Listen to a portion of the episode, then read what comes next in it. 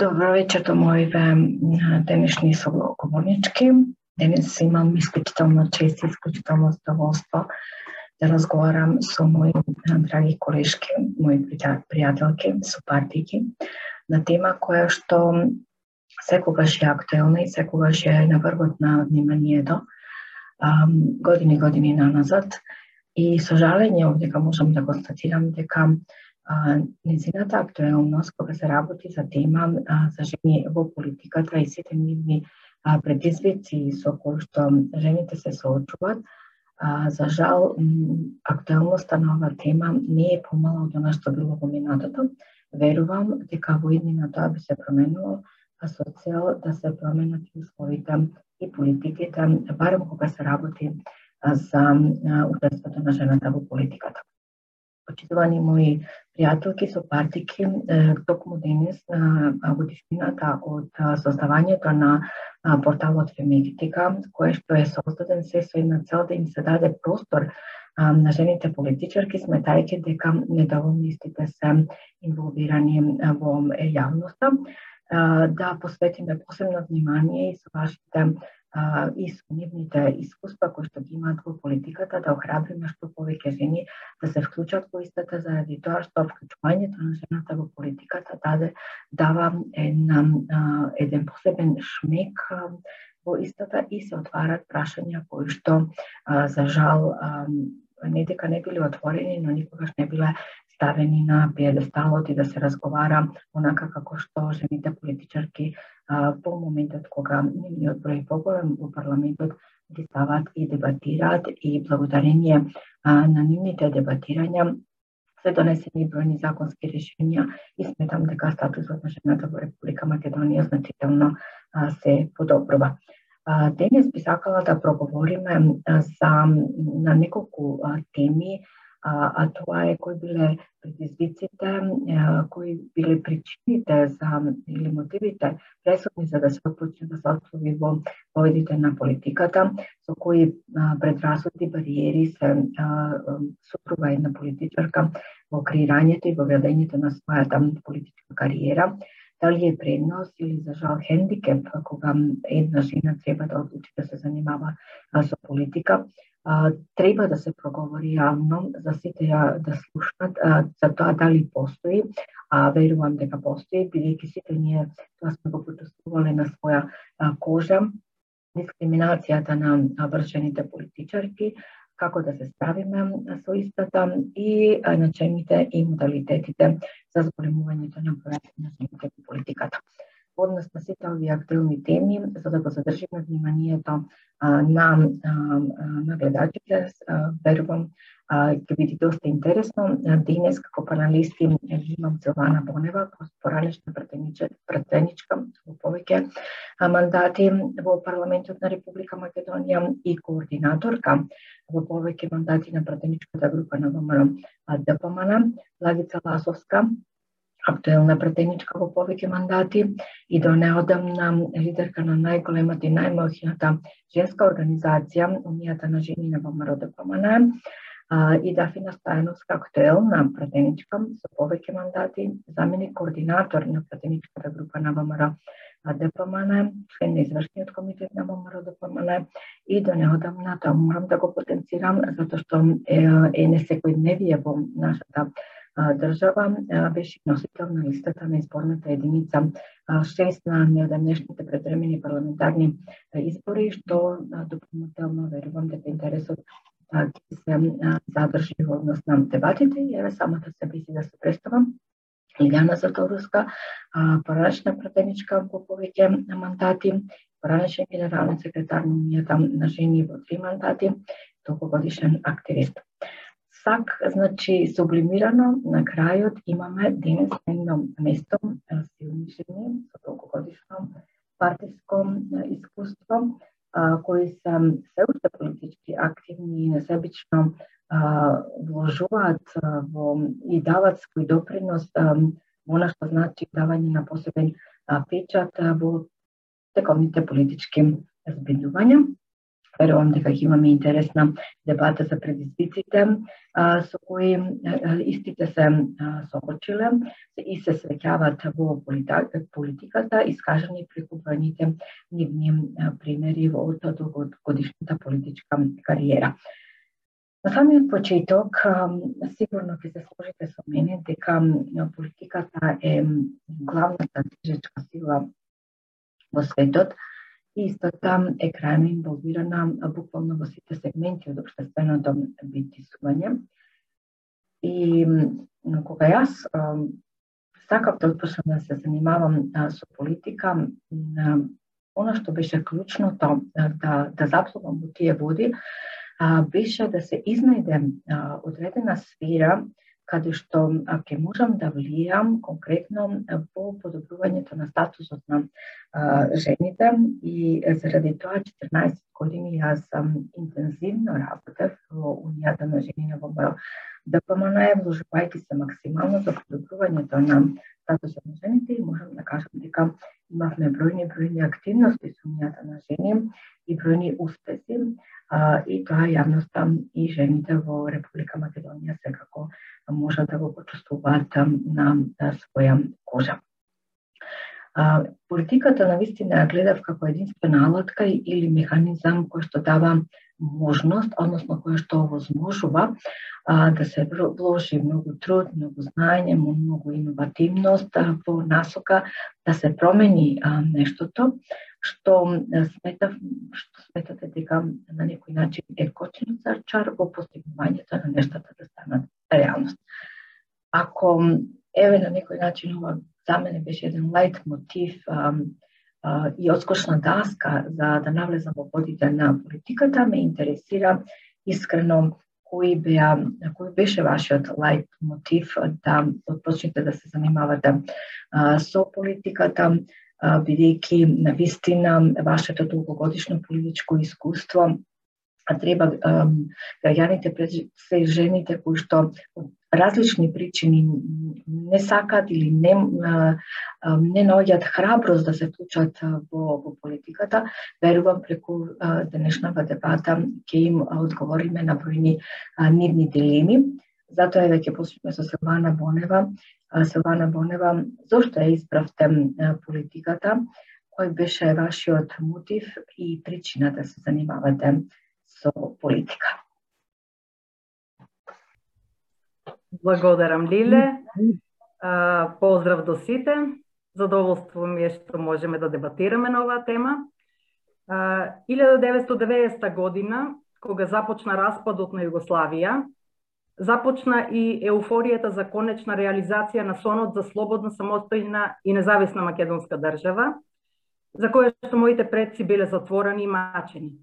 По убиството на првиот војник од Македонија во Хрватска Сашко Гешовски, без да размислувам за прв пат, излегов да говорам на митинг на мајките во Струмица. Тоа беше спонтано собирање по тој повод и беше наблюдуван преку нишаните на митралезите на војниците на ЈНА, распоредени на покривите на околните згради. Во мојот говор тогаш повикав на бойкот на мобилизацијата и регрутацијата на војници, што е правеше генералот Аджит за потребите на Милошевиќ. Главната порака тогаш ми беше дека нема да дозволиме повеќе наши деца да гинат за туги интереси, а ако треба да гинат, ќе гинат за слободата на Македонија. За кратко време собравме 6091 подпис на петицијата против мобилизацијата и регрутацијата, која што на 9 мај 90 година беше предадена во собранието. Резултатот од тоа беше неуспешна регрутација и мобилизација и спасени животи. Е, од тогаш започна мојот политички ангажман да придонесам во изградбата на слободна, демократска и економски просперитет на македонска држава. Многу интересно, на вистина како мотив за да навлезете во, во политиката, како една успешна жена, и тоа во сферата на мили жена парламентарец, борец за женските права. А, сега би го дала просторот на Благица Ласовска да видиме зошто таја, која била причината што Благица Ласовска, мојата драга колешка, почна да се занимава со политика. Благодарам, Лиле. Поздрав до моите почитувани сопартики, драги колешки, соборки, сестри. можам да кажам дека од секогаш ме интересирала политиката, политичките збиднувања и а, како што каже и Силвана, македонското отворено прашање исто така беше мојот лајт мотив за поинтензивно, поактивно вклучување во политиката. Може би затоа што и мојата мајка, која што беше една од првите жени председателки на Унијата на жени на ВМРО да ДПМН во мојот град, се знаат си Силвана од тие времиња од 90-те години. Може би тоа е дел од од мотивот во кој за кој што сакав да да да се вклучам, но главната па, главниот мотив, лайт мотив беше борбата за македонското прашање, кое што за жал и во 21. век гледате и сами се уште не е решено и сите ние се бориме исто, истото праведно да биде решено. Но не само тоа, туку и а, борбата за правата на жените, исто така беше мотив и од тие причини. Бев нели 8 години бев и председателка на Унијата на жени во мојот град. А, две години председателка на Унијата на жени на ВМРО ДПМН, се со цел да местото и улогата на жените во политиката биде а, со подобар третман и да покажеме на идните генерации дека не треба да се откажуваат, напротив, треба да се вклучат во политиката затоа што како што кажа и ти Лиле, за жал или за среќа, а оние кои што сакаат поправедно, по-демократско општество, и поголема вклученост на жените мора да бидат во, вклучени во политиката. Но секако со демократски средства, секако со праведни а, принципи и тоа е и проче мојата желба да продолжиме по тој пат кој што ние и како Унија на жени на ВМРО да ДПМН сме го одамна трасирале, да покажеме на младите генерации дека не треба да се откажуваат. Има две опции во генерално во светот две опции како да бидеш твојот став да биде важен и слушнат во општеството или преку политиката или преку граѓанскиот сектор кој што да не заборавиме е многу важен исклучително важен, но генерално политиките се во сите стратегиите, политиките се во политиката. Тоа беа лајт мотивите за мојот вклучување и се уште обстојување во на политичката сцена. Ти благодарам Благица, да ја слушнеме и Дафина, повели Дафина. Добро вечер Лилјана, добро вечер за моите драги колешки Благица и е, секако Силвана која што на времето како да ви кажам да се изразам била мој идол за жена политичарка, но ете е, е, успеав во животот да имам можности со неа да соработувам во политиката. Бевме кратко време заедно членки на извршниот комитет и драго ми е што имаме вечерва еден таков спој. Најпрво да го честитам нели роден денот на, на Фемитика како портал, да посакам уште долги години да слави роден ден и јубилеи и така натаму. Се надевам дека и во некои следни прилики би биле и ние поканети како гостинки. Во однос на почетното прашање, Лилјана, јас во некој дел се пронедов со она што го кажа и Силвана, а и со она што го кажа Благица. Силвана ме подсети на тоа време дека во суштина е јасно, според мојата возраст како средношколка на плоштадот во Гостивар имав говор токму за погинатиот македонски војник Сашко Гешовски. Дали ова судбина или може би е навистина таа наша борба за идеалите за Македонија во време кога се распаѓаше Југославија, кога многумина нели плачеа за тоа да останеме во југословенската бивша сега држава, оние кои што беа со нашата идеологија верува и, и уште многу порано верува во македонска самостојна држава и нели тој сон и се оствари конечно, но за жал со времињата сега гледаме дека некои повторно ги нарушува тие прашања. Затоа смета, а во делот кај што се најдов со Благица кога ја спомена незината мајка која што била председателка на Унијата на жени, јас пак ќе го спомена мојот покоен татко кој што во тоа време кога негови колеги земаа кредити во бивша Југославија за да градат куќи, да купуваат коли. Мојот татко земаше кредити и купуваше книги и во време кога татковците на своите деца им раскажуваа за големините на Тито, мене татко ми ми раскажуваше за маките на Чем. Тоа е тоа е таа наша заедничка нишка која ете не обединила и мислам дека она почетното прашање беше нели лиле причина или поттик да се занимавам со политика, тоа е тој да. цел склоп на на на случување. Јас велам некогаш треба и да се погоди моментот, можеби е, мене ми се погодил моментот кога сум ја добила понудата активно да се занимавам е, со политиката, сум се чувствувала задоволно подготвена и секако и мотивирана да дадам се од себе Тоа сум го правила, она давањето се од себе од првиот ден па се до ден денешен, значи давање максимум се од себе, вложување да се исполни зададена задача, да се стигне до сакана цел и мислам дека тоа е тоа што мене ме мотивирало и еве и до ден денес да се одржам тука кај што сум, да бидеме нели еве јас и Благица како, како актуелни пратенички наследнички на она што вие сте го работеле, за да утре има некој наш што ќе не наследи, за кој што ќе бидеме пример, мотив и така натаму да ангажираме што повеќе жени во политиката и да ги поттикнеме и мотивираме и тие да го направат она во нивното време и со нивните можности. Апсолутно се сложувам со сите од вас. Впрочем, сме учествувале нели на многу дебати кои што биле сценирани како во собранието и на многу семинари, состаноци така натаму на кои што а, сме разговарале токму за потребите и барањата на жените и некако без разлика од каде си и, и во која држава живееш, а, некако сите жени не сплотува иста мака, да кажам. Еве и во овој момент не дека сме од иста партија од ВМРО ДПМН, но некако како исти причинители да биле они кои што не натерале да да влеземе во овие не баш смирни води, ќе се сложите со мене, дека не е многу лесно да се биде жена во политика, а, и затоа ќе ќе баш во ова второ прашање или втора тема која што сакам да ја начнам, а, со какви предизвици се соочуваат жените во политиката и конкретно вие како истакнати жени политичарки кои што се уште сте актуелни, кои што како што кажав несебично се вложувате за да допринесете до да на вистина да се случат одредени а, промени во општеството а, кои што се од интерес на жените.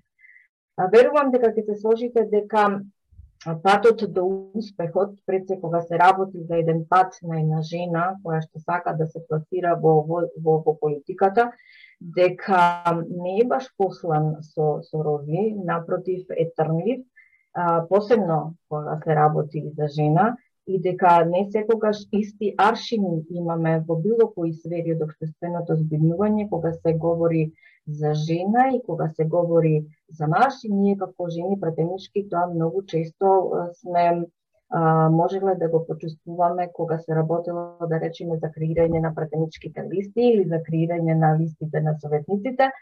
Еве сега пред локални избори вие знаете колку е тешко да се да се натера некоја жена да биде кандидат за градоначалник заради мириза, да речам предизвици, да не го споменувам говорот на омраза и така натаму и различните аршини за кои што се бара кандидатката за жена и се поразлична од кандидатот за За жал, Ќе го споменам и тоа си од овој период од 2006 година кога Силвана Бонева се бореше да има повеќе жени во парламентот заедно со останатите пратенички од другите политички партии. Тогаш се изборија, мислам дека Силвана беше 2006 година кога ја донесовте и квотата 30% жените и законот за еднакви можности помеѓу мажите и жените. А сите ние други останати бевме, а и ти мислам заедно со нас, а, кога ја донесовме квотата од 40% на жени во во парламентот и во, на, на, на локалните листи, но за жал, еве до сега не сме успеале да најдеме некој модел кој што ќе овозможи зголемувањето на процентот на жени во извршната власт и зголемувањето на процентот на жени кои ќе бидат градоначалнички. Значи не за кандидатки за градоначалник, него жени кои што ќе бидат градоначалници ќе ги предводат своите општини. Но ме интересира малку да э, проговориме за предизвиците пред кои што сме били исправени и сме се соочиле на патот во нашата политичка кариера. Ме интересира колку било тешко да се стигне до претеничката функција во собранието, и тоа еве како вас, како сите нас, во повеќе мандати, Ако се земе фактот дека пратеничката функција, за жал, е една од најкритикуваните функции во јавноста, во нашето општество, наспроти незината одговорност, функција која што бара на вистина многу ангажман, многу откажувања, многу вложувања, многу непроспиени ноги, ноки, многу контакти со граѓани, секој граѓанин да го слушаш, да најдеш начин, да најдеш модел и можност сите нивни барања да ги инкорпорираш во одредени законски решенија, за да можат истите да се вратат како бенефит на граѓаните. Со какви предизвици вие сте се соочили? Силвана? И па кога зборуваме за предизвици, огромен број на предизвици има во мојата политичка кариера. Да а, кога ја кажувате и се борите за вистината и не ја премолчувате пред ниеден авторитет, кога водите политика спротивна, спротивна на интересите на одредени моќници, нормално е да имате многу и непријатели. Например, барав од нашите партнери од НАТО и ЕУ да ја охрабрат владата да бидат испратени во пензија луѓето од тајните служби, кои му служија на комунистичкиот режим, бидејќи тие што кршеле човекови слободи и права не можат да бидат гаранти на новото демократско општество. Тоа постојано им го зборував. Барав илустрација на нивните соработници кои што уништувале човечки животи. Со излегување на последната афера за прислушкувањето се виде дека тие мои барања биле оправдани. Но тоа беше една од причините со години да бидам следен од удба и прислушкувана 1295 дена. Имав континирани атаци врз моето возило и врз мене, неразјаснати сообраќајки, Целокупниот мој посветен политички ангажман за помош и подобрување на животот на луѓето во земјата се трудеа да го изволкат со медиумски линч спроведуван со години, со лагите дека сум била рекордер во земање на патни трошоци, што на крај завршија со политички прогон и обвинение од страна на САЈО. Дури измисля и секс скандал за моје девалвирање. Имав во тој период по целиот тој период од 90 година па до денес може да кажам и бойкот од поголем дел од медиумите на сите мои активности за доброто на земјата. А, предизвиците се многу пред сите жени пратенички. А, колку повеќе пате од себе, толку повеќе некогаш а, им пречите на одредени луѓе.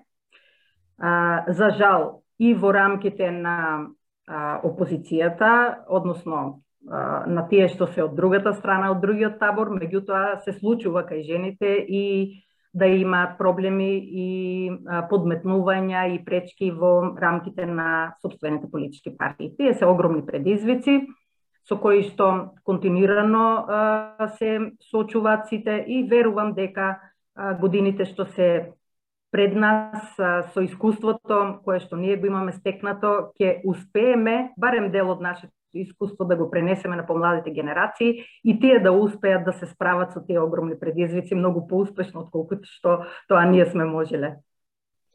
Силана, тука кога сме баш на оваа тема ме интересира нели во, во ваше време беше формиран и клубот на пратенички во собранието да. на Република Македонија со единствена цел и со единствена задача верувам дека сите жени без разлика од која политичка партија доаѓаат да се солидаризираат со проблемите на, на жените и верувам дека овој клуб на претенички кој што беше формиран си даде свој импакт во, во делот на тоа дека проблемите и сите со кои што жената се, се среќава во општеството беа ставени на маса во парламентот.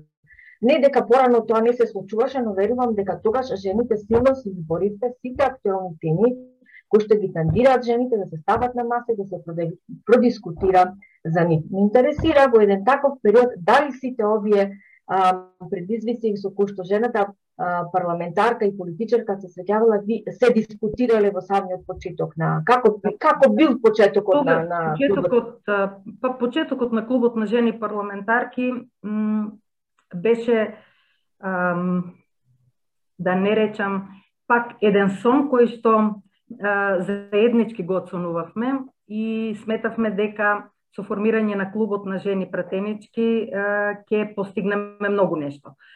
Клубот на жени пратенички во моментот на формирање 2003 година беше еден мост на поврзување на пратениците во парламентот од различни политички партии во еден постконфликтен период после нели конфликтот од 2002 година, 2001, 2002 потоа кога дојдовме во парламентот буквално едни со други пратениците не се гледа и мостот за поврзување и разговор помеѓу политичките партии стана клубот на жени пратенички.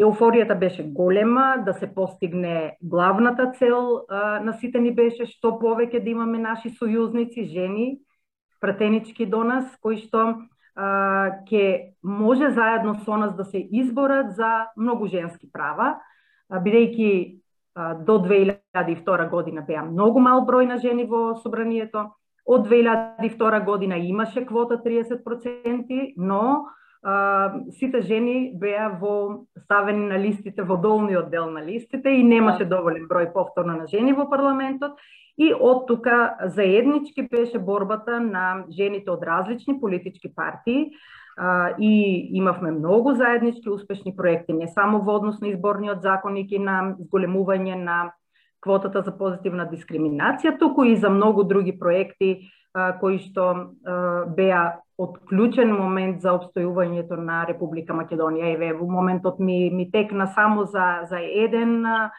таков проект, да не, да не речам проект, тоа беше декларација, декларација за поддршка на автокефалноста на Македонската православна црква, а, после Нишката спогодба, а, во 2004-2005 година, повторно, токму заради тоа што беше воспоставен еден мост на комуникација помеѓу жените од различни политички партии, текстот што го подготвив за декларацијата за поддршка на автокефална, автокефалниот статус на Македонската православна црква, беше поддржан на координацијата од две жени, госпогите Леонора Петрова и Лилјана Попова, Поповска, заеднички успеавме да направиме декларацијата да биде прифатена од сите политички партии во собранието на Република Македонија. И тоа беше еден огромен успех тогаш во тој момент на нешто заедничко направено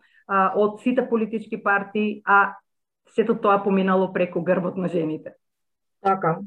Благица, ќе се сложиш со мене и со Силвана што го кажува дека клубот на претенички без разлика одигра важна улога и во 2017 година после онај немил настан кој што се случи во, во собранието и повторно жените седна на маса, продискутира, проразговара и сметам на некој начин а, допринесе во оно што се вика а, нормализирањето на условите за да се продолжи понатаму да се работи во собранието.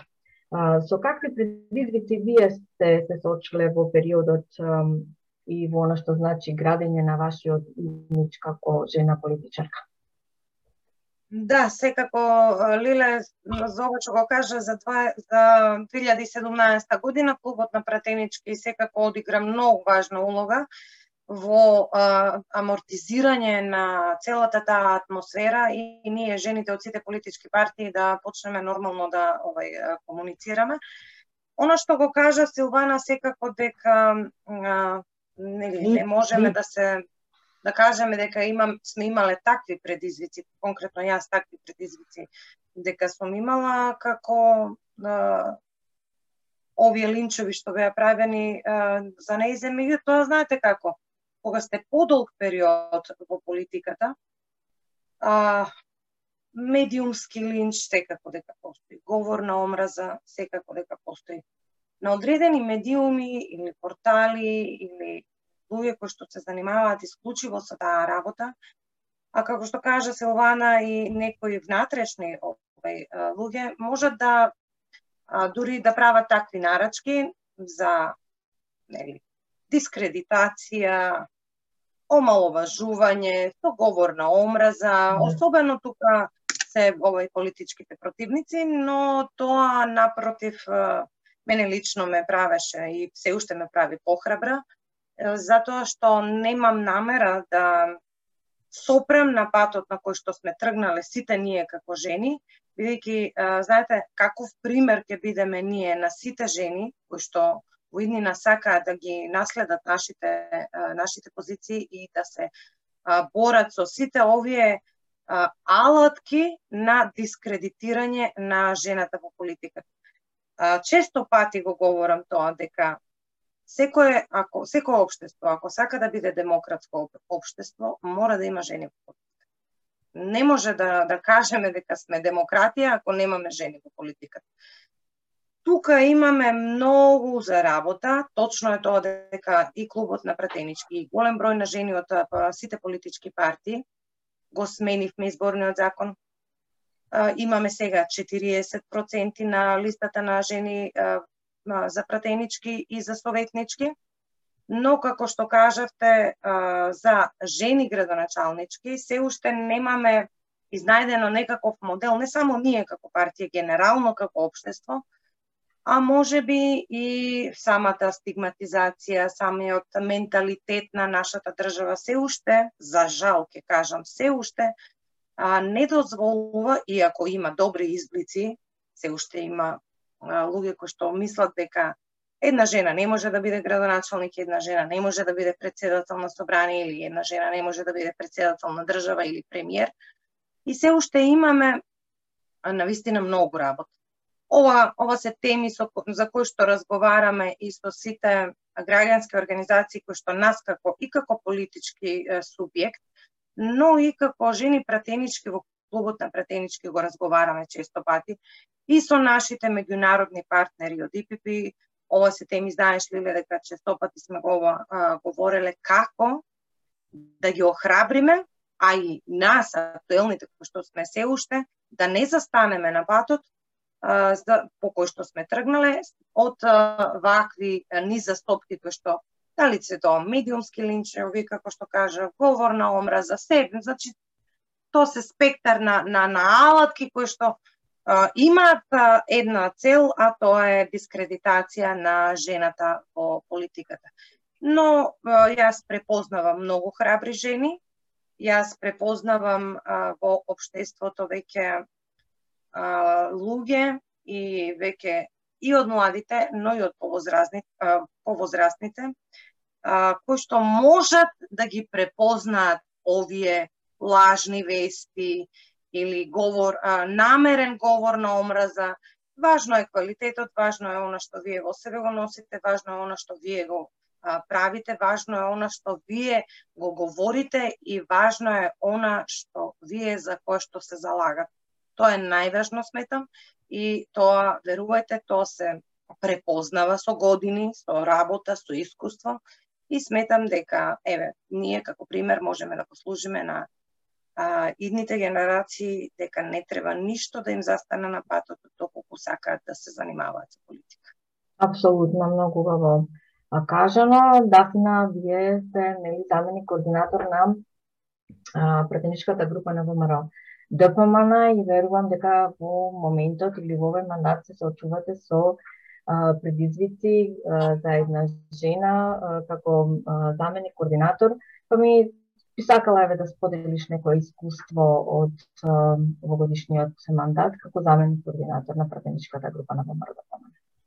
Така е, Лиле, јас сум заменичка координаторка во овој мандат заедно со колешката Ели Панова и некако добивме е, не само одговорна задача, туку и е, еден веќе истрасиран пат од нашите предходнички, а тоа бевте вие и колешката Невенка, така да имаме огромна одговорност, како што кажа, секое време си, свој, си носи своји одговорности, своји тежини, успеваме да се снајдеме со сите обврски, да се избориме за време, некогаш предизвик во нашата работа и кога треба да се подготвувате за теми кои што, например, воопшто не се блиски до вашата професија или вокација, Така. информација, но но секако нашата задача е да бидеме исполнителни, да бидеме одговорни, да бидеме информирани за се што се носи во собранието како материјал, како поднесок, како предлог закон и така натаму, така да без разлика на нашата професија ние треба да говориме на многу различни теми. И затоа би кажала дека предизвик е некогаш темата која што може би не многу ви одговара или предизвик некогаш е и времето кое што не секогаш ви е доволно за да постигнете на време се да средите, затоа велам нашата работа во парламентот не е само пленарните седници и нивното трајање, туку е позадината многу подолга, многу е, опфаќа поголем круг на, на вклучени и ангажирани луѓе.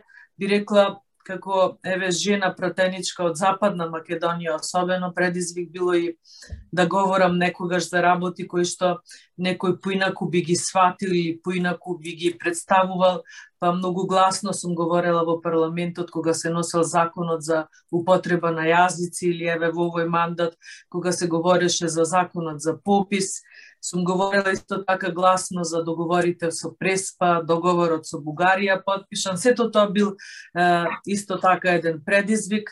Некогаш е предизвик, еве во случајот со мојата драга колешка Силвана, да се борите со неправди, да се борите со клевети, со погрешни толкувања, но јас би рекла или еве би заклучила по однос на ова прашање дека сите предизвици бараат бистарум, ладна глава и да се начека вистинскиот момент, да се искористи и да се докаже дека вистината е таа која што секогаш на крајот победува.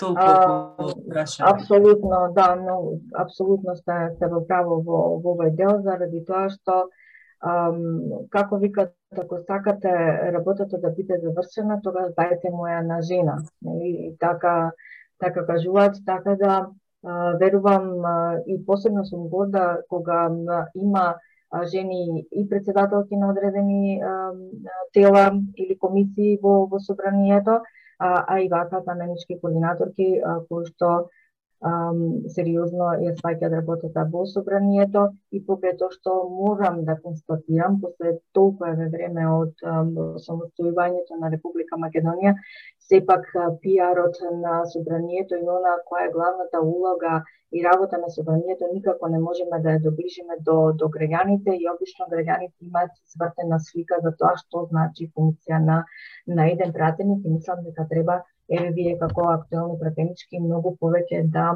да вложите во тоа за да на вистина граѓанинот свати која е основната функција на, на еден пратеник и со колкава тежина вие како пратеници или сите пратенички групи до сега се носеле. Дали тоа што то сме жени а, представува предност или хендикеп за еве напредок во во политиката и не мора да е во политиката.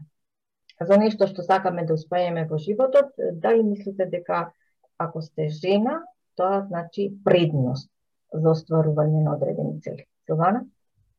Па, нашето општество и политичките партии мислам дека поставуваат повисоки стандардни и се многу покритични кон жените во споредба со мажите, Па затоа жените чувствуваат постојан притисок дека треба да се докажуваат. Факт е дека недостатокот на подготвеност и свест кај дел од луѓето во политичките партии и дел од гласачите да подржат жени на повисоки функции се главните причини што нема повеќе жени на, на такви позиции.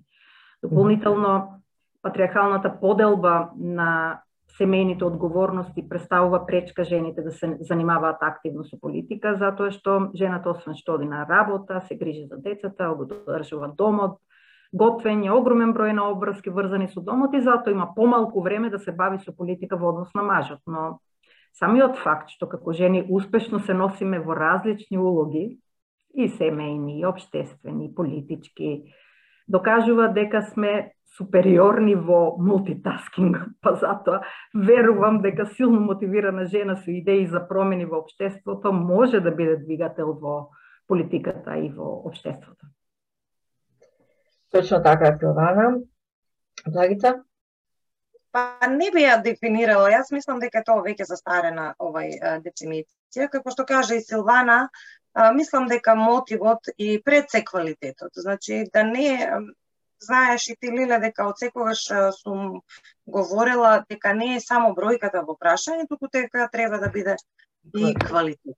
Квалитетот секогаш се препознава, но можам да се сложам само во делот можеби А, оно што го каже и Силвана дека за жал се уште во нашето општество а, под квалитет а, многу поредко се анализира мажот отколку жената. Жената многу повеќе треба да се докаже дали во партијата, дали во политиката, дали во општеството генерално, за да докаже дека а, го заслужила местото во, во самото општество, но мислам дека тие работи веќе се се менуваат, а тоа секако дека секако дека сме заслужни и самите ние жените во политиката и сметам дека обштеството наше може би се уште не доволно, но созрева со тоа дека а, жените мора и треба да бидат во обштествениот и во политичкиот живот. Едноставно, како да ви кажам, одбивам а, а, таква дефиниција дека жената а, мора многу повеќе да се докажува од колку мажот, иако за жал, како што кажав, во одредени ситуации, во одредени ситуации, за жал тоа е така. Ако мажот се стави на некоја листа или не знам на било каква позиција, само само по себе значи дека е квалитет, не. А, тоа не треба да е така и тоа е нешто на кое што мислам дека уште треба да, да се работи. Генерално, мојот заклучок е дека целата женска борба во нашата држава, во нашето општество, треба да зајакне по однос на тоа прашање, но е доволно гласна изминатите 30 на години за да почне да биде прифатлива жената во политиката и генерално во општеството, не само во политиката. Имаме ние многу одговорни функции и во економијата, како што се гувернерското место, нели, и така натаму. Но да не должам, сметам дека а, ние како жени треба да докажеме дека нашиот квалитет е препознаен и тоа, како што кажав и предходно на одговорите на прашањата, дека ќе го препознаат и идните генерации и ќе се занимаваат со ова, овие професии кои што да, се неблагодарни, но пак а, имаме некоја повисока цел. Но мора и да, да се сложиме со, со фактот дека борбата на жените за поголем број на жени во политиката и во и не само во политиката и во сите обштествени сфери што се води години години наназад и која што за жал еве се уште се води заради тоа што сме стигнале до некаде и треба работата барем да биде на 50-50 како што природата налага, сме успеали до некаде тоа да го да го Јас може морам да кажам око, нешто барем кратко само околу клубот mm -hmm. на пратенички. За жал оваа пандемија што не снајден или цел свет и нас, многу го ја ограничува работата во собранието. Знаете под какви услови работиме. И еве, скоро рече една година, ние не можеме да функционираме на начин на кој што сме функционирали. Знаете и самите дека сме биле многу поактивни, сме се собирале жените, сега за жал не заради немање на волја, морам да кажам, туку едноставно самите околности и самите услови на работа се такви. А, организациите со кои што а, соработуваме се трудат, но сето тоа е онлайн, како е и сегашната средба, не е исто онлайн работењето и ова физичкото присуство, знаете, и самите сите сте искусни по тоа прашање. И сметам дека дел од ова прашање е прашање на клубот на, на жени пратенички, како и прашање на секоја од женските организации во политичките партии. Апсолутно. Како тоа треба да се реши? И секако Комисијата за еднаквите можности помеѓу мажите и жените во собранието, која што и таја, морам да признам, одигра значени улоги во, во минатото, а, со тоа подобрување на статусот на жената во, во обштеството. А, Дафина, што мислиш ти по однос на ова прашање? Јас исто така, Лиле, значи, воопшто не сакам да размислувам дали нашиот пол како жени е предност или пречка во нашава професија. Значи не прифаќам воопшто да дискутирам на таа тема. Ние мора мора да дојдеме или мислам дека и веќе и доцниме во оној дел каде што ние треба да размислуваме дека единствена предност за за успех во политиката и не само во политиката, во било која професија, треба да биде само мерит системот и квалитетот. Не треба да биде ниту пол, ниту фамилиарни врски, ниту финансиска моќ. Значи, каде е квалитетот, без разлика на полот. И затоа велам, не прифаќам да дискутирам дали жените треба да имаат предност или ни е пречка тоа што сме жени да успееме во политиката. Еден политичар, без разлика на полот, треба да се анализира во поглед на тоа што зборува, дали со кажаното утре се докажува или лаже, буквално кажано, а не дали е жена, дали таа жена имала ваква фризура, ваква гардероба и така натаму. Доста со таква дисквалификација, особено на жените политичарки. И затоа ќе дадам еден пример, мислам дека ќе ме сватите која ми е поентата, имаше еден виц кога некој долги години се молел на Господ да му падне на лото. Значи секој ден одели се молел аман Господе да ми падне еднаш на лото и конечно претерали еден ден Господ му се јавил со тон, му рекол, а да уплатеш еднаш едно ливче, па да видиме дали ќе ти овозможам да добиеш. Сакам да кажам, не треба да сме ниту квота, ниту процент. Ние треба да сме присутни во политиката, рамо до рамо, затоа што можеме, затоа што знаеме, затоа што умееме. Точно нашата жртва е поголема заради оној дел грижа за деца и слично, иако и тој дел треба автоматски или подеднакво да биде споделен, оној освен оној делот за грижата биолошката, мајчинската, породилно и слично, сето останато треба и мора да биде споделено рамноправно, исто како што и одговорноста, родителската грижа и така натаму. И затоа, апсолутно не сакам да дискутирам дали е мојот пол предност или пречка. Мојата реч, мојот говор, моите дела, тие треба да се анализираат и конечно да дојде време или дојдено е време или веќе е предоцна во Македонија мора да се дискутира исклучително за тоа дали политичарот е квалитетен или не. Дали тоа што го зборува го, го спроведува на дело или е спротивно. За жал, со оваа владеачка гарнитура, мислам дека се вративме многу чекори, многу години на назад и мислам дека ќе имаме уште поголема задача уште поголема одговорност, затоа што на оваа власт во добар дел многу им одговара, дури мислам дека и таа самата ја наметна она она гола флоскула сите се исти, не се сите исти.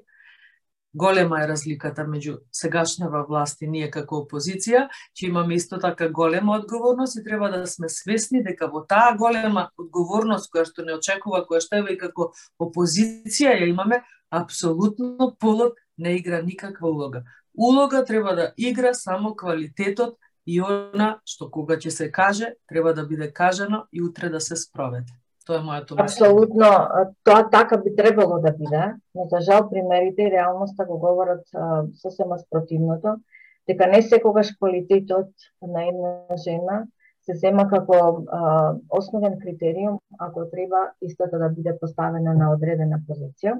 За жал, критериумите врз основа на кои што треба една жена да се анализира се многу поразлични од оние критериуми кога се врши анализа на еден маж, како што Благица а, тоа го спомена. Да, на вистина квотите иритираат во една ваква а, да речеме ситуација или во 21 век кога треба да бидеш квота за да се најдеш на одредена позиција, а не според квалитетот, според можностите и според сите оние предиспозиции кои што ги, ги содржи една жена и кои што може да ги вложи и да ги даде за подобро во обштеството.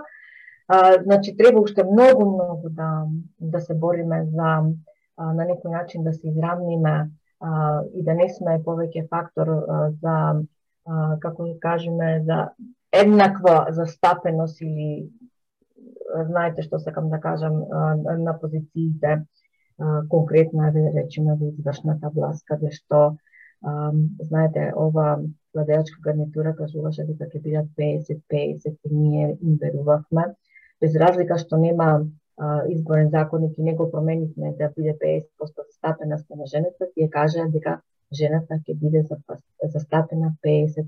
За жал, тоа нешто не го видовме, го нема во извршната власт. Ќе видиме на локалните избори како ќе ќе поминат жените и колку жени пратенички ќе имаме а, како градоначалнички, а не како кандидати за градоначалници. Но како и да е, како викаме, што повеќе жени во политиката, а, толку повеќе можности за нештото да се промени во обштеството и да се надменат бариерите кои што не смеат да постојат. А, и таквите работи или актуелни теми кои што се а, директно поврзани со ситуацијата на жената, единствено на маса можат да ги постават жени. Зошто? Затоа што се тие од нејзин интерес, Не дека мажите тоа не би го направиле, но не така промптно, тоа да го видовме во минатото кога имаше по три жени, по четири жени во парламентот, видовме кои теми се поактуелни, за кои теми се дебатират.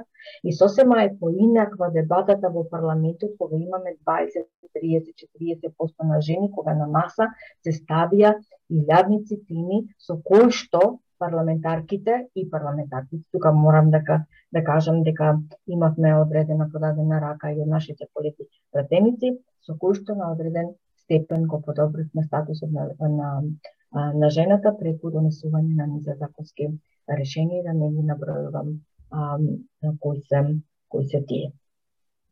Јас верувам... Или... А, се извинувам. Да? Да, да, да. Да, да, повели. само едно мало сеќавање на враќање назад во 2004 и 2006 година, кога имаше жестоко противење за квотите за позитивна дискриминација од страна на голем дел од младите машки колеги во собранието од сите политички партии.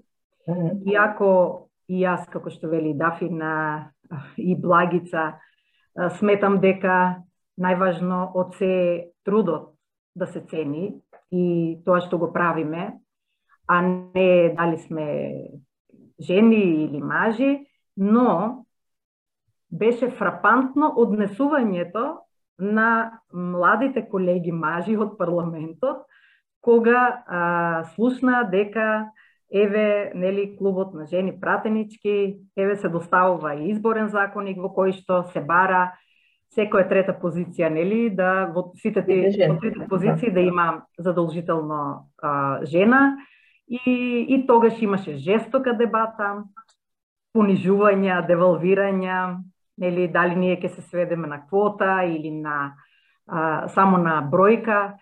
А, беше многу интересно а, тоа што колеги од нашата пратеничка група тогаш сега покојниот колега Ефтим Манев, па колегата Палјошковски, беа најгласни за а, таа квота, односно веле вака. Ние мажите сме неработници. Гледате на сите комисии. Кои се први тука? Ако ги нема жените, нема седници на комисиите. Кои се најредовни? Кои се најагилни? Кои се највредни? Ние не не бива за ништо. И ние се согласуваме со двете раце 50% проценти да ставиме во изборниот законник, а не некоја си квота од 30%. Е, а, тоа е гледање на луѓе кои што не се чувствуваат воопшто загрозени, иако а, јас бев изненадена на вистина од многу млади колеги, посебно предничеше господинот Борис Кондарко, Трендафилов од нашата пратеничка група.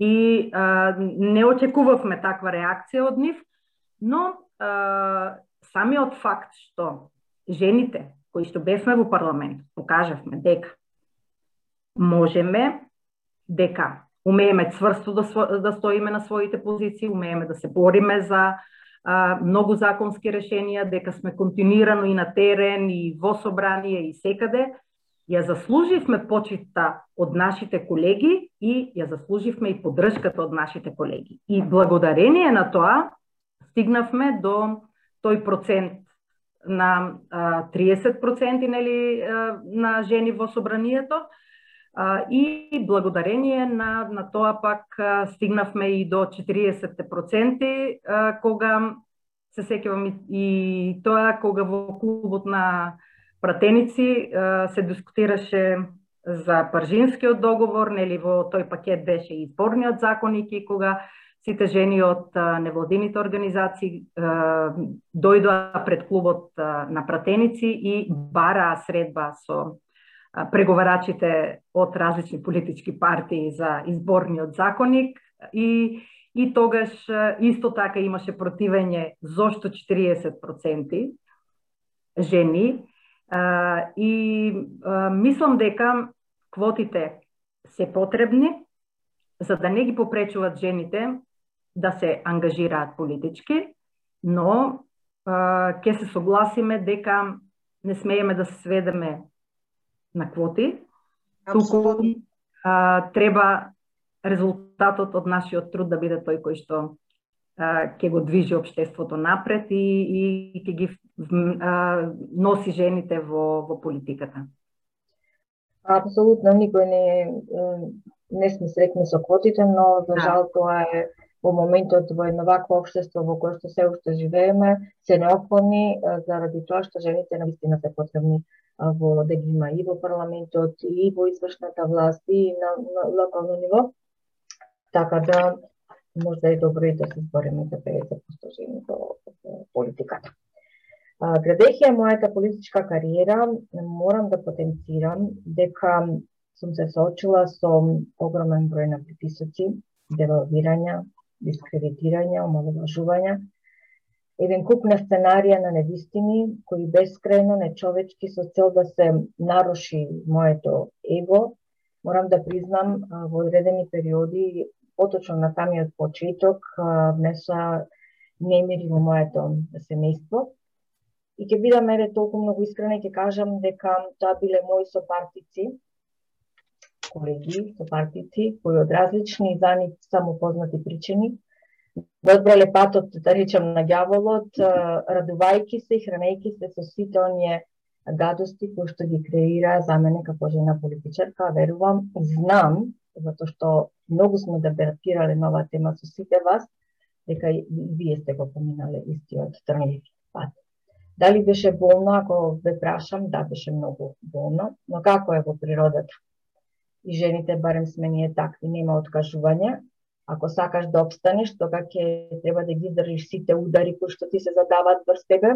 Не треба да покажеш слабост, виждејќи жената никогаш не сме да покаже слабост.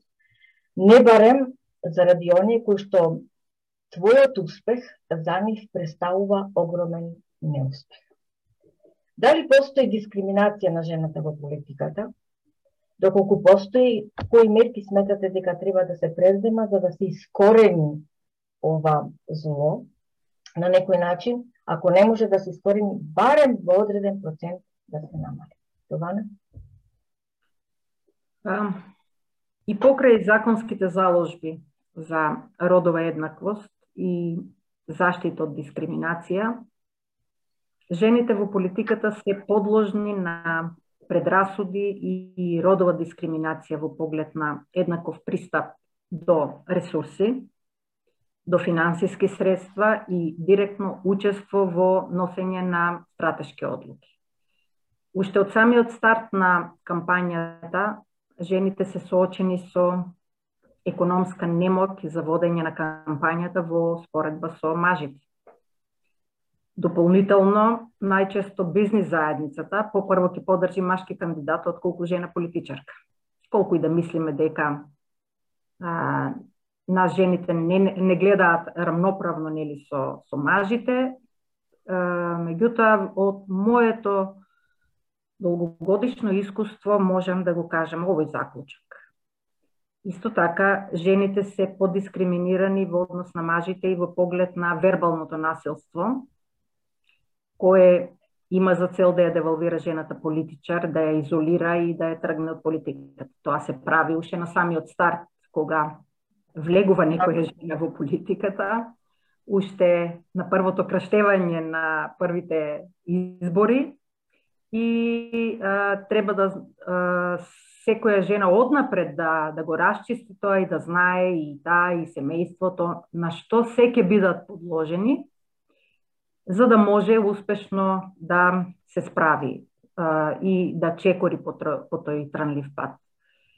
Да се надмене тоа а, за кое што зборував до сега, мислам дека е потребно економско јакнење на, жен, на жените, медиумска поддршка, градење на култура на толеранција и родова еднаквост во сите сфери и, и иницијативи за елиминирање на сите форми на насилство врз жените. Но покрај обштествените пречки и родовите стереотипи, еден од најголемите непријатели на жените, што ги обесхрабрува да го реализираат својот огромен потенцијал, се е само наметнатите невистини или прифатени стереотипи дека а, не се доволно добри за да се занимаваат со, со политика, дека тие не се доволно храбри, дека нема да можат да се носат со притисокот. Затоа, како жена што голем дел од животот го има посветено на политиката, на народот и општото добро, ги охрабрувам жените да им пркосат на предизвиците, затоа што тоа е единствениот начин да придонесат кон подобри услови за живот на нивните семејства, подобро образование за децата, подобар здравствен систем, здрава животна околина. За таа цел, жената треба да се вклучи во политиката, како што кажевте сите, за да може да влие во процесот на носење на одлуки на локално и централно ниво, за да може да го промени на подобро животот на сите, и да нема изговори зошто незиното семејство не го живее животот кој што а, таа го посакува за нив.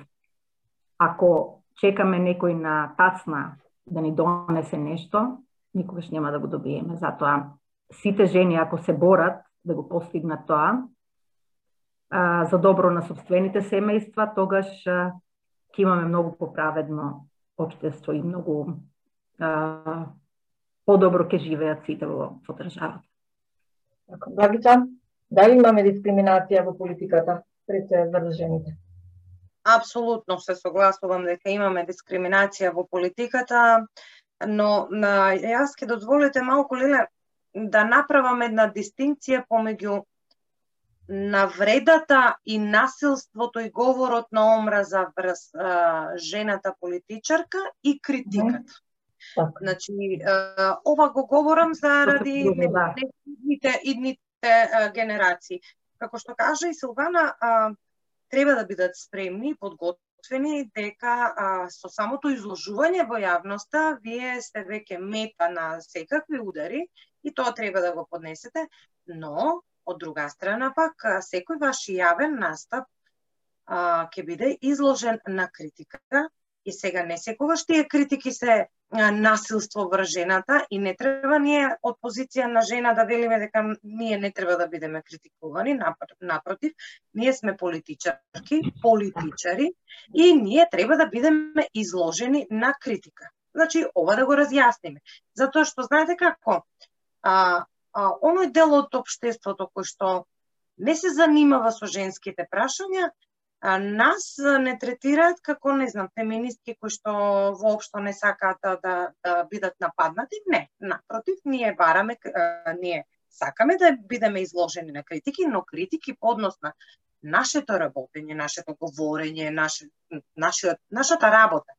Но не и говор на омраза, но не и вербално насилство, кое што го гледаме особено сега нели со развојот на технологијата по социјалните мрежи, по некакви портали и така натаму, а, и она што нели политичкиот противник на најниско, на најдолно ниво а, смета и мисли дека таа некаква си негативна кампања против а, жената како а, како конкурент треба да ја има. За жал, се уште не сме созреани како општество, иако да бидам искрена, тоа го има и во западноевропските држави, го има во цел свет, секаде кај што се занимава, жените со политика или со воопштественото живење. А, а, како да се како да се ова среди. Сме разговарале, знаете, сеќавате дека сме зборувале дали треба да имаме некакви законски ограничувања по однос на одредени медиуми и така натаму, но тоа секогаш останувало само на разговор и никако да да излезе на површина или да се носат одредени законски решенија, затоа што пак од друга, другата страна а, имаме контрааргументи дека тоа со тоа ќе се наруши не демократските придобивки и така натаму. Слободата на говорите. На, апсолутно, да. А, видите, кога сме дебатирале дури и по медиум, еви на национални телевизии, кога сум била повикувана како гостинка, со од друга представничка од политичка партија, темата била правата на жените како што и, и сега. Дури и самите медиуми не им е атрактивна до тој степен таа тема, да само а, темата ќе се протрача во 5 минути и после тоа се дебатира за актуелно, актуелните дневно политички теми. Не секогаш или не доволно ќе кажам дека и самите медиуми не обрнуваат доволно а, внимание на овој проблем. Еве ќе ви кажам еден пример и тука ќе завршам. Неодамна го донесовме а, законот за семено насилство во собранието. Сите жени, ја следите дебатата во собрание, знае какви се односите. А, сите жени од сите политички партии застанавме за тоа законско решение, амандманска расправа и така натаму, така натаму го поддржавме.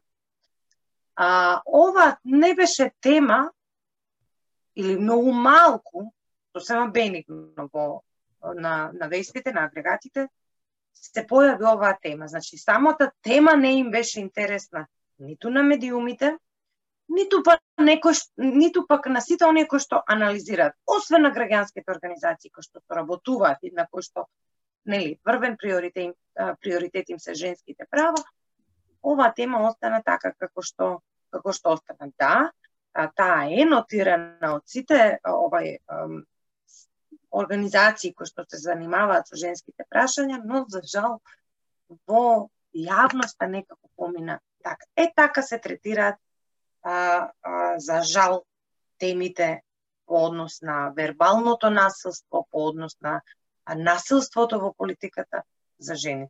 И тука ние треба многу да допринесеме. Допринесувавме, допринесуваме, но треба и мора да има уште тоа е. Апсолутно, да, тоа тоа е една точна предпоставка која што еве со години никако не можеме да најдеме решение како да ги наметнеме темите да одат преку медиумите заради тоа што на вистина само така можат истите да стигнат до секоја една жена во во, во земјата, но еве една дебата на која што јас сум била на 24 вести на која што сме учествувале жени политичарки парламентарки од сите политички партии било беше чудно како на водителот и на еве на јавноста, а, не знам тие што очекувам, што очекува да се степаме на, на дебатата, но меѓутоа ние разговаравме многу културно, бидејќи вие самите знаете кога се работи за женските прашања, за разлика од која политичка партија, секогаш сме имале а, исто видување и сме барале начини како тоа да го да го подобриме.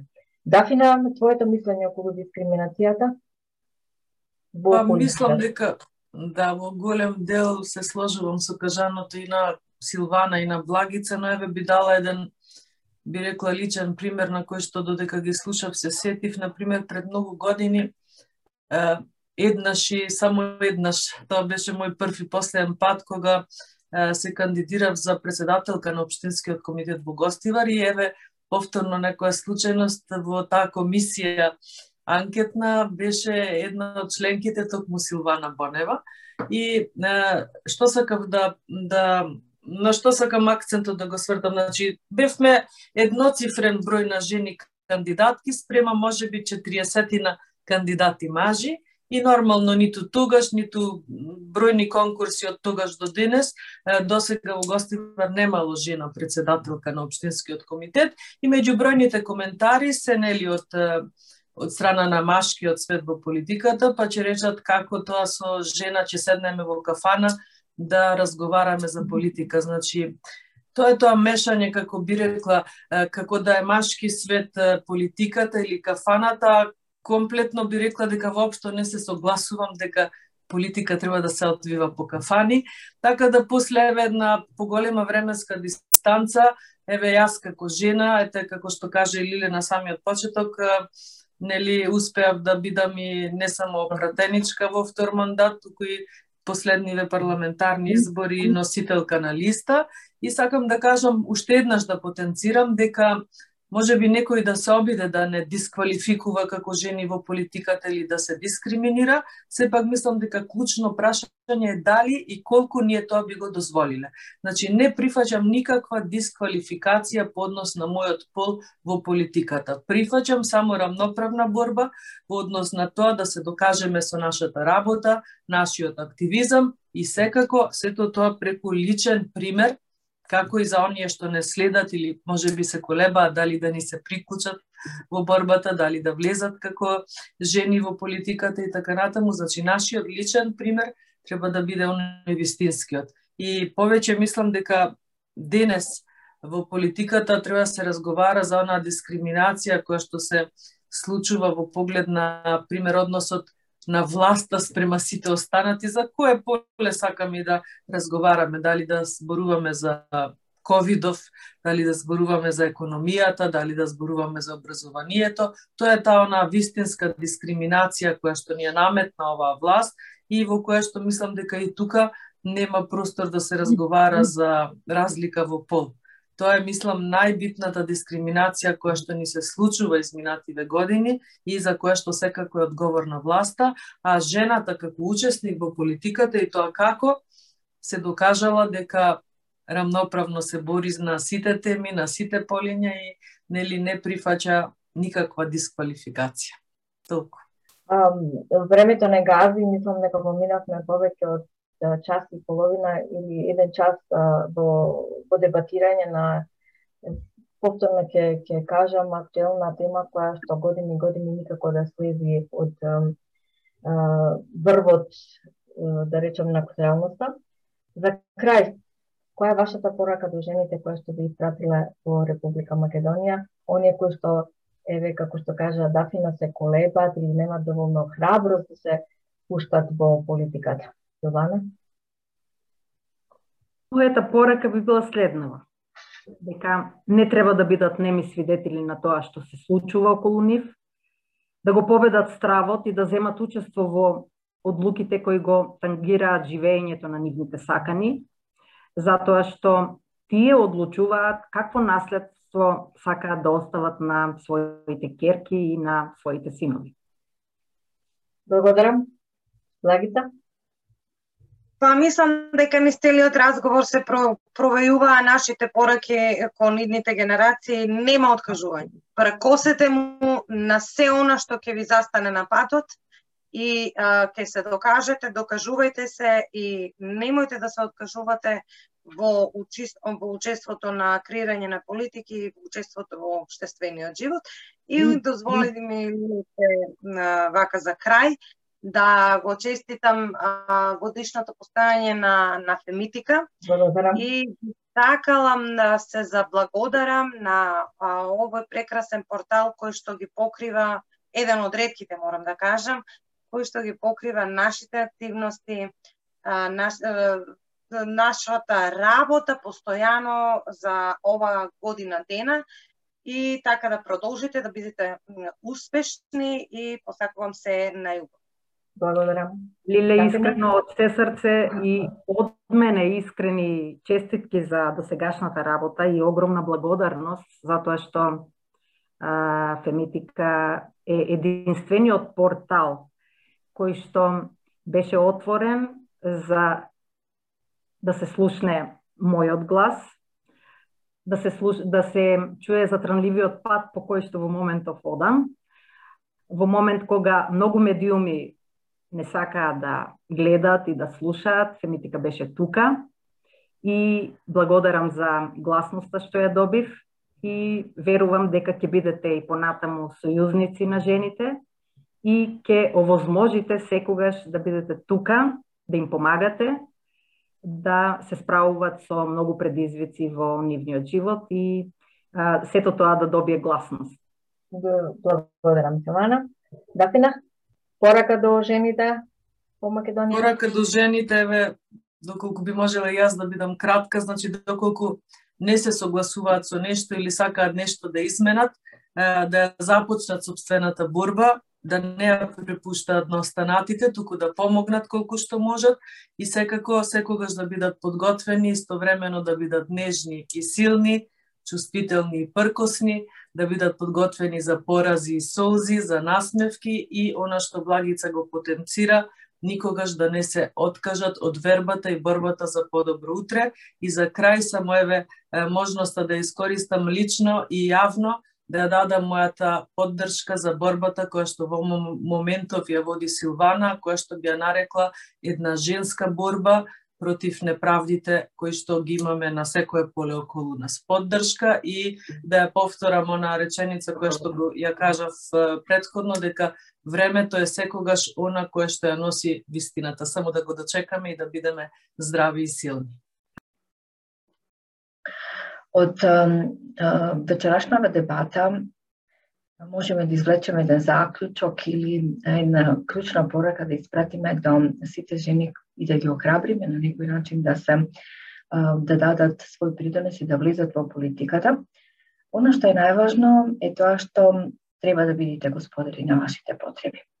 Треба да го слушнете вашиот глас и не смеете да го задушувате истиот, него оставете го извикнете го за да можат другите да го слушнат и да можат да ви помогнат.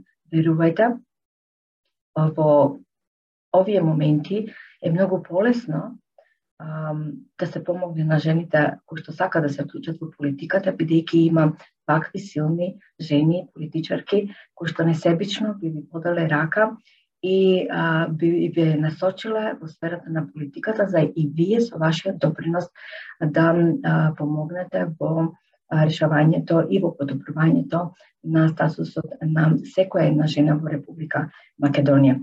Патот до успехот и покрај тоа што верувајте исполнет со многу преприки и кривини, верувајте може да се изоди, но најлесно е кога ќе се изоди заедно со жените кои што ќе ви подадат рака. Што повеќе жени во политиката, верувајте, има повеќе можности да се реши некој женски проблем. Охрабрете се, како што кажа, бидете господари на вашата способност, на вашата моќ и на вашата можност да се вложите и да си сторите нешто за себе и да за сите жени во Република Македонија. Верувајте, има можности а, за тоа и политиката и покрај тоа колку и да ви изгледа сурова, верувајте може да ви отвори многу врати и до многу можности. Ви благодарам уште еднаш за вашиот несебичен ангажман и што направивте еве една година од формирањето на Фемитика да се чествувам на ваква дебата. Благодарам многу.